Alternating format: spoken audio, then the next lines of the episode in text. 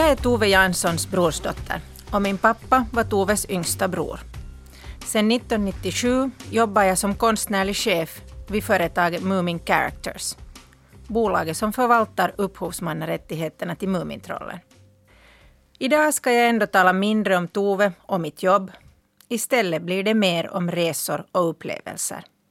Mitt namn är Sofia Jansson och jag är sommarpratare idag. Jag flyttade hem till Finland efter 16 års vistelse utomlands och behövde ett jobb. Då blev jag erbjuden en anställning vid bolaget Moomin Characters och har sedan dess sysslat mycket med Mumintroll. Efter Toves död förvaltar jag också hennes dödsbo och kulturarvet hon lämnade efter sig. I år firas Toves 100-årsjubileum stort, både i Finland och internationellt. Det är underbart, för hon var en väldigt begåvad konstnär och en utomordentligt fin författarinna. Men nu till sommaren 1997, när jag precis kommit hem från England. Då föreslog min pappa Lasse att vi skulle resa till Lappland med mina pojkar för att gräva guld tillsammans med Per-Olof, min farbror. Att tälta och vaska guld i en älv kunde det finnas ett bättre äventyr för smågossar, tyckte han. Pojkarna var bara fem och åtta år, men det kändes som en väldigt spännande idé för en sommarutflykt. Och en möjlighet för dem att uppleva något ganska speciellt tillsammans med sin morfar. Lasse var över 70 år och hans bror nästan 80. Men för dem var det en helt naturlig idé att vi alla åkte ut i vildmarken. Deras mor Ham hade startat flickscouterna i Sverige i början av 1900-talet och lärt dem att klara sig i naturen redan när de var barn. Hela familjen Jansson, Faffan, Ham, Tove, Per-Olof och Lasse, var rätt så romantiskt lagd. Så till exempel att bli guldgrävare med öden som de bästa i Klondike var en ungdomsdröm som speciellt bröderna hade försökt förverkliga i en eller annan form hela livet. Framförallt Per-Olof, men också Lasse, hade således vistats många myggiga och regniga somrar vid någon flod i Lappland i hopp om att finna den största guldklimpen någonsin. De hade till och med utvecklat en maskin med vilken man sög upp sand från flodbotten, för guldet låg ju där. Sålunda hade Per-Olof med några bekanta en inmutning vid Ivalofloden ännu sommaren 1997. Förr åkte man alltid ihoptryckt med packningen i en trång bil ända från Helsingfors upp till Lappland. Men nu tog vi det snabbare och bekvämare alternativet. Någon gång i medle på juli bar det iväg med tält, fiskespön, myggnät och vaskpannor med flyg till Ivalo. Pojkarna var väl utrustade med små ryggsäckar, varma kläder, stövlar, läsbart och choklad. Pappa visste exakt vad som behövdes och hade gjort långa förberedande listor. Väl i Ivalo plockades vi upp och kördes några tiotals kilometer genom skogen till en liten öppen plats nära flodstranden. Där en lapp skulle hämta oss med vårt pick och pack. Per-Olof visste berätta att lappen Nila hade konstruerat en slags svävfarkost med vilken han skulle föra oss upp för floden genom forsar och bakvatten eller Suvanton som vi kallar dem, till inmutningen. Allt lastades i båten och vi steg ombord. Nila startade motorn och vi svävade iväg. Några timmar senare var vi framme. Svävfarkosten tog i land vid det på kartan utmärkta ställe av flodbanken där vi skulle bo de nästa tre dagarna. Nila hjälpte oss ur båten med våra kollin och for sen sin väg. Sen började äkta ödemarkslivet. Vi satte upp tält, rullade ut våra sovsäckar och byggde en lägerplats. Per-Olof hade lämnat kvar maskinen som skulle suga upp sanden från flodbotten, gömd under en grön presenning.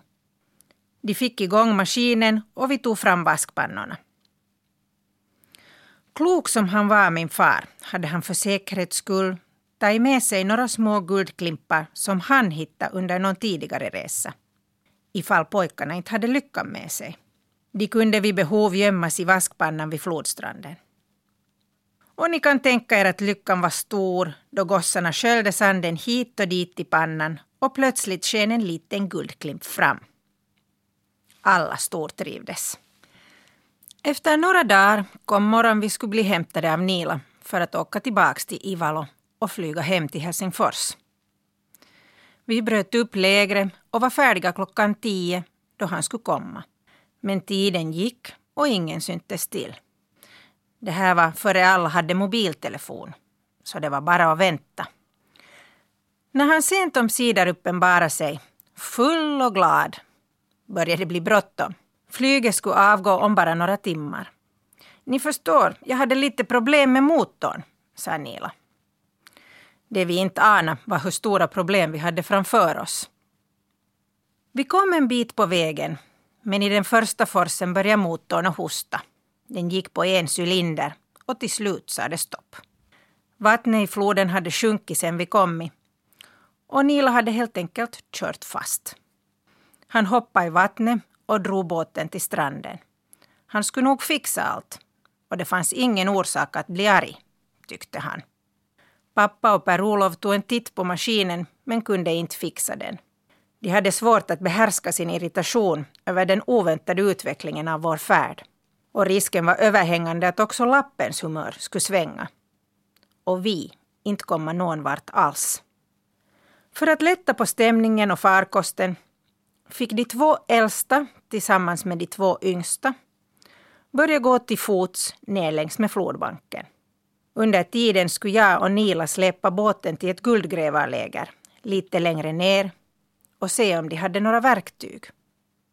In bland dvärgbjörkarna uppför en flodbank som steg nästan i 45 graders vinkel försvann min femåring med sin morfar i handen, min käcka åttaåring och min gamla farbror som hade stora balanssvårigheter bara på platt mark.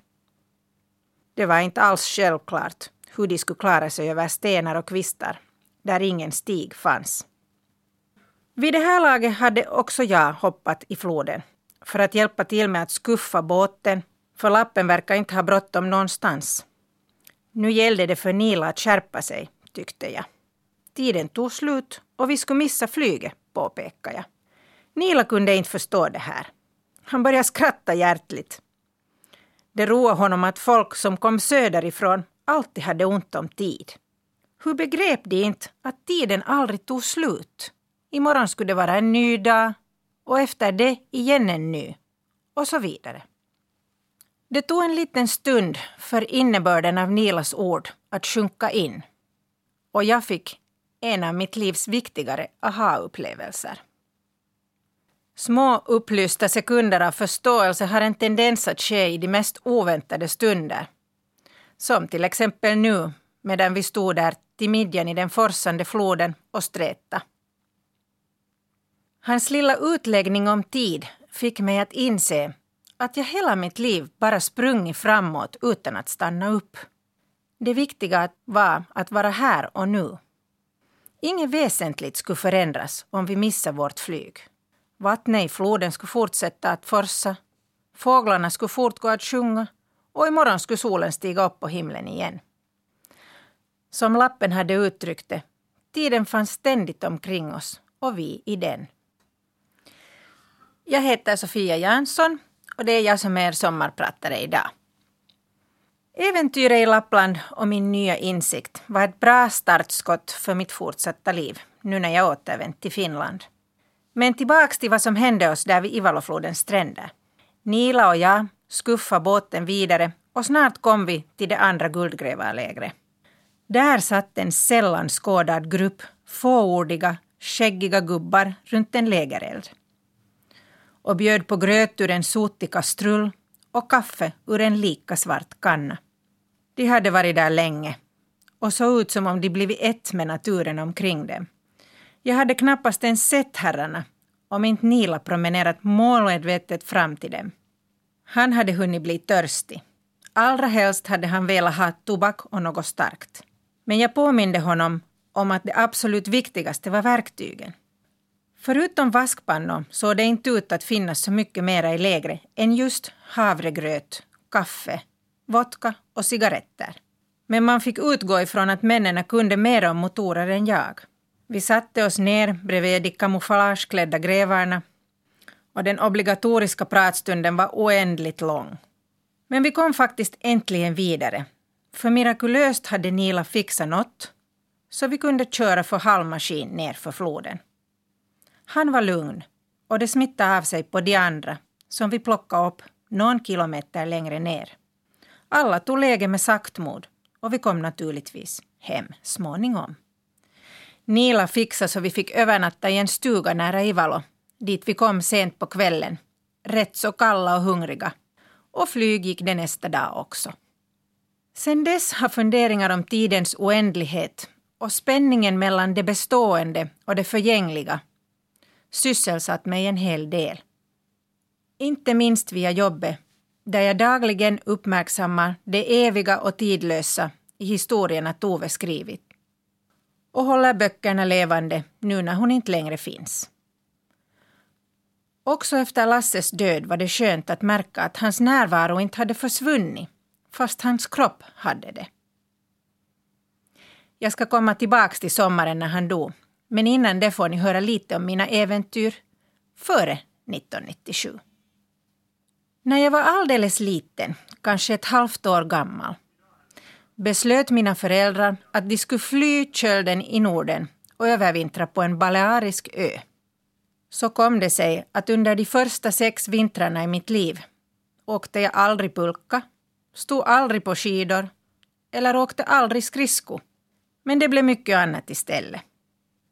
Nu är Ibiza känt som ett populärt semestermål för den idelfestande ungdomen. Men på den tiden bodde där endast den ibixenkiska lokalbefolkningen och några hippin. Där bodde också några få utlänningar, i huvudsak konstnärer. Bland annat målaren Anita Snellman, som var bekant med Lasse och mamma, var där. Och klimatet var varmt och skönt och det gick att leva mycket billigare där än i Finland. Resorna ner till Spanien och tillbaks blev fina minnen. Lasse hade undersökt förmånliga sätt att ta sig söderut och ett av dem var att åka lastbåt. Lastbåtarna tog några få passagerare som fick följa med för en billig slant. Sen fick man gå i land när de la till vid en lämplig hamn. Det blev många resor med lastbåt. Pappa, precis som sin far Faffan, tyckte det var fantastiskt roligt med stormar och hoppades naturligtvis att få uppleva stora och majestätiska vågor på ett lastfartyg. På rutterna till och från Spanien var det nästan garanterat att det skulle blåsa ordentligt på något hav. Om inte på Östersjön, så på Atlanten eller vid Biscayabukten. Han blev inte sjösjuk, men det blev hans lilla dotter. Så Lasse skaffade en hängmatta som riggades upp i hytten och i den fick jag sova. Att gunga i takt med fartygets krängande rörelser fungerar rätt så bra och jag vande mig småningom vid sjögången. Det var också otroligt spännande att gå upp på kommandobryggan och följa med när besättningen och kaptenen jobbade. Stämningen där var allvarlig, fast vänlig. Alla sysslade med sina respektive uppgifter i tysthet. Första styrman kunde nicka införstått åt pappa, men få ord växlades. Man tittade mest ut på havet och beundrade fartygets för som plöjde genom sjön, förhoppningsvis i storm, så att vågkammarna stänkte över hela båten. Att havets raseri kan vara mycket vackert har de fina målarna Ivan Aivasovski och William Turner lyckats föreviga på duk för länge sedan. Och att de hör till mina favoriter är ingen slump, för Lasse introducerade deras verk redan tidigt genom att fästa planscher av deras maffigaste havsmotiv på utedassets väggar i Pellinge. Livet på ett fartyg hade mycket strikta rutiner och saker och ting gjordes vid exakt samma klockslag varje dag. Vi var ofta de enda passagerarna ombord och därför fick vi äta middag tillsammans med kaptenen. Det var mycket högtidliga tidpunkter. Borden var klädda i vita dukar och det gällde att äta med kniv och gaffel. Nere under dänk dunkade dovt och ibland fick vi gå ner för lejdarna till maskinrummet. Där var det varmt och doftade alldeles speciellt fartyg. Det ångade av olja, bränsle och målfärg. Resorna tog flera dagar, kanske veckor. Jag heter Sofia Jansson och det är jag som är er sommarpratare idag. En gång steg vi i land i Casablanca. Fartyget skulle lastas där och vi hade en dag i hamn. Lasse kände till stadens betydelse som mötespunkt för Churchill och Roosevelt under andra världskriget. Han hade också sett filmen Casablanca med Humphrey Bogart och Ingrid Bergman. Och naturligtvis läst massvis med böcker om äventyr i mytomspunna hamnstäder. Kaptenen som hade varit där förr bjöd pappa och mig med honom på en rundtur i stan. Lasses nyfikenhet var stor, så vi följde med honom in i Medinan. Där var allt och alla väldigt annorlunda, något vi sett tidigare. Folk såg ut som ur en saga i Tusen och en natt. Där fick jag också första gången i mitt liv rida på en kamel. Tryggt i Lasses famn. Senare berättade han om sin stora oro att någon skulle röva bort hans lilla blonda flickebarn och sälja henne som slav. Länge trodde jag att sånt inte kunde hända och att han bara berättade sagor. Men nu vet jag tyvärr bättre. Oss hände ändå ingenting. På Ibiza fanns det inte så många blonda barn heller. Småningom fick jag gå i skola med de ibisenkiska barnen som började när de var fyra år gamla. Det var en nunneskola mitt i stan där alla barnen hade uniform. Ett gammalt fotografi därifrån ser faktiskt komiskt ut när alla skolbarnen ett typiskt mörka i håret och hyn. Och mitt ibland dem står en ljus liten tjej med pottklippt blont hår. Det var inte alla gånger trevligt att vara annorlunda. Men jag lärde mig spanska och lekte med grannens flickor, som om jag hade varit en av dem. Inför sommarmånaderna satte vi ändå alltid kurs på Finland och skärgården. Och så har det fortsatt sedan dess. Ön i Pellinge har under årens lopp visat sig vara en fast punkt. Dit har jag återkommit varje år, kortare eller längre perioder. Jag bodde också senare utomlands i många år. Varför undrar folk, men det finns nog inget entydigt svar. Uppmuntran att resa kom hemifrån. För alla i familjen hade alltid varit intresserade av att se sig omkring i världen. Lasse trodde nog att möjligheterna till ett bättre liv kunde finnas någon annanstans. Min egen nyfikenhet bejakade han bland annat genom att understöda resorna finansiellt. Det blev språkresor, interrail, ett år som utbyteselev i USA och så vidare. Tack vare pappas internationella bekanta blev jag också lockad att anta en studieplats vid ett litet så kallat Liberal Arts College i USA. Ett äventyr jag inte kunde annat än tacka ja till. Skolan låg just utanför Philadelphia och dit flyttade jag hösten 1981. I Amerika visste få någonting alls om Finland. De kände till att vi betalade tillbaka Marshallhjälpen efter andra världskriget, att det var kallt och mörkt om vintrarna och att landet var beläget nära Sovjetunionen. De facto trodde de flesta att Finland var bakom järnridån, trots mina protester. Många år senare såg min man och jag en fotoutställning av Pentti Sammanlahtis bilder på kabelfabriken. Några fotografier gjorde ett speciellt intryck på oss. Det var en serie vyer i Helsingfors, tagna under olika årtionden från 50-talet framåt. Ett av motiven var det något alldeles säreget med. Det var ett foto på en nedgången, shabby portgång med en gumma med duk på huvudet och kvast i handen som stod på trottoaren utanför. Det såg ut som om det hade tagits av en gata i en Sovjetstat. Men plötsligt begrep jag till min stora förvåning att det var ett foto på vår portgång in till vår gård på Skeppsredaregatan. Och gumman var vår gamla gårdskarstant. Fotot var taget 1970 då jag var åtta år gammal. Och sanningen är att Finland var fattigt och på många sätt isolerat från resten av Europa då jag växte upp. Vilket Lasse fattar mycket väl. Nå, livet i ett amerikanskt college var ändå inte i längden för mig som längtade tillbaka till södra Europa. Småningom ansökte jag om ett studieutbyte till Madrid. Vi hade ju bott i Spanien när jag var alldeles liten. Så landet och språket och kulturen var bekant. Jag åkte dit och var inhyst hos en äldre dam mitt i Madrid. Det var en underbart livlig och levnadsglad stad efter att Francos diktatur äntligen tagit slut. För unga studerande med smal plånbok var det paradiset, för allt var billigt och staden sov aldrig. Där träffade jag också min blivande man, en engelsk kille. När vi sen gift oss och fått vårt första barn flyttade vi ändå till London, därifrån han kom ursprungligen.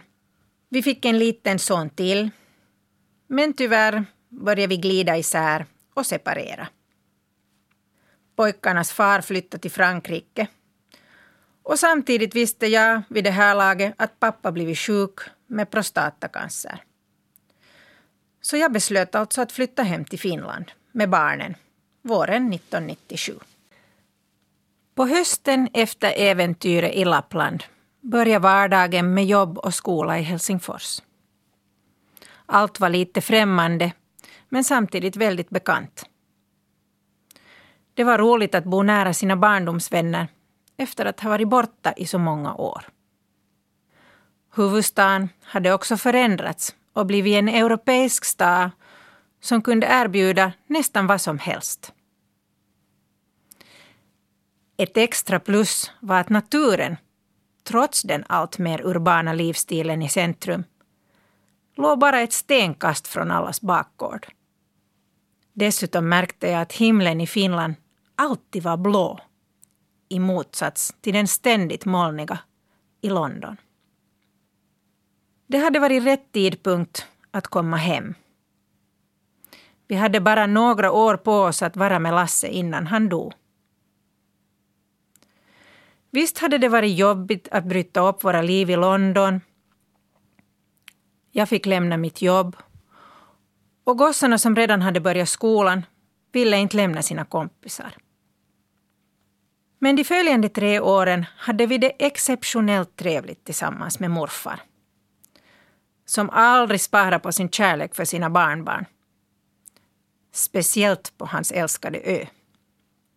Där sydde han vackert dekorerade indiankläder av sämskskinn åt dem, byggde pilbågar och lärde dem snida knivar i trä. Och om kvällarna initierade han dem i äventyrsböckernas och filmernas förtrollade värld.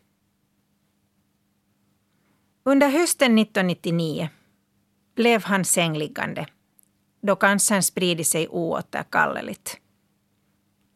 Han önskade bli omskött hemma och det blev en lång och tung vinter. Allra värst var det när sommaren nalkades och det gick upp för honom att jag och pojkarna kanske inte skulle komma ut till ön på grund av honom. Vi var naturligtvis helt beredda på att stanna i stan, men det ville han inte höra talas om. Och vi ville inte heller lämna honom utan hjälp. Så jag beslöt att föra honom ut till ön en sista sommar. Kosta vad det kosta ville. Ännu när Tove och Tuti bodde ute på Klovharon hade en helikopter landat där ett par gånger. Så jag antog att det kunde vara möjligt också hos oss. Mycket riktigt. Vi fick besked att det skulle gå att ordna. Lasse flögs ut i yttre skärgården och vi bäddade ner honom i hans säng med utsikt över havet. I slutet på juli meddelade han att det var dags.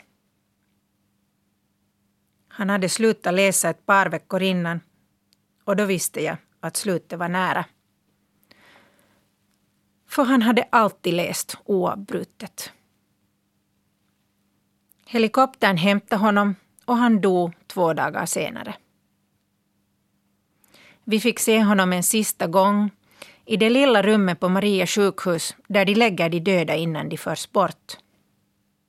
Där låg han, slät i ansiktet, med händerna i kors och med en liten blomma mellan fingrarna. Efter hans begravning i augusti åkte jag sorsen ut till ön för att göra i ordning för vintern.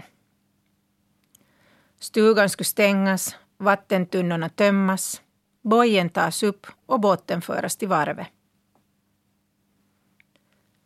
Lasse skulle aldrig mera komma dit och det skulle vara tomt och ensamt utan honom där. Men när jag steg i land på ön och vandrade mot huset fattade jag mig ens att han var där. Han fanns i varenda repstump jag höll i, varenda sten jag steg på, vartenda handtag jag tog i.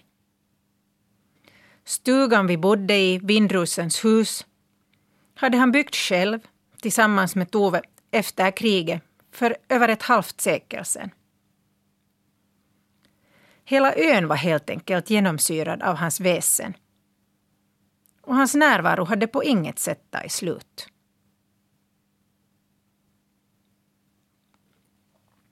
Där finns han evigt på ön, lite som den oändliga tiden omkring oss.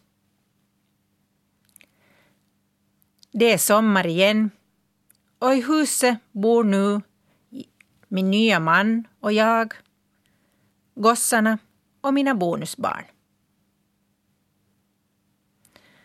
Stränderna bär nu också våra fotavtryck. Men det som gör sommaren evigt underbar förändras inte. Vågorna slår mot klipporna, måsarna skränar omkring oss och solen går ner vid horisonten i en slöja av purpur och orange. Som alltid förr. Mitt namn är Sofia Jansson och det är jag som har hållit er sällskap i Vegas sommarpratare idag.